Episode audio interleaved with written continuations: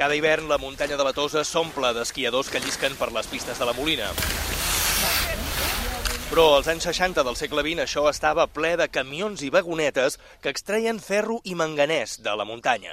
D'aquella explotació minera en queden alguns vestigis que ara es poden visitar amb una ruta a peu que ha dissenyat el Parc Natural del Cadí Moixeró. El director Jordi Garcia Petit ens explica què s'hi pot veure. Tenim doncs, encara les restes de, de l'edifici principal on s'allotjaven durant varis mesos eh, els miners, tenim encara doncs, restes dels canals de, de càrrega per on discorria doncs, el mineral, tenim evidentment les boques mines i ens queda doncs, això, aquesta antiga pista que és per la que pujaven els treballadors i els camions a carregar el mineral, aparells i de les instal·lacions que es feien servir per transportar el material.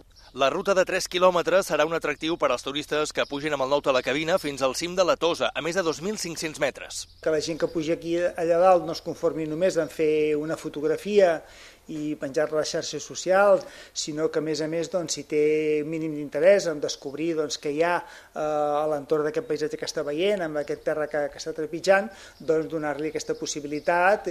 Igual que la Molina, la majoria d'estacions d'esquí catalanes obren a l'estiu amb activitats de lliure i esport per al públic familiar.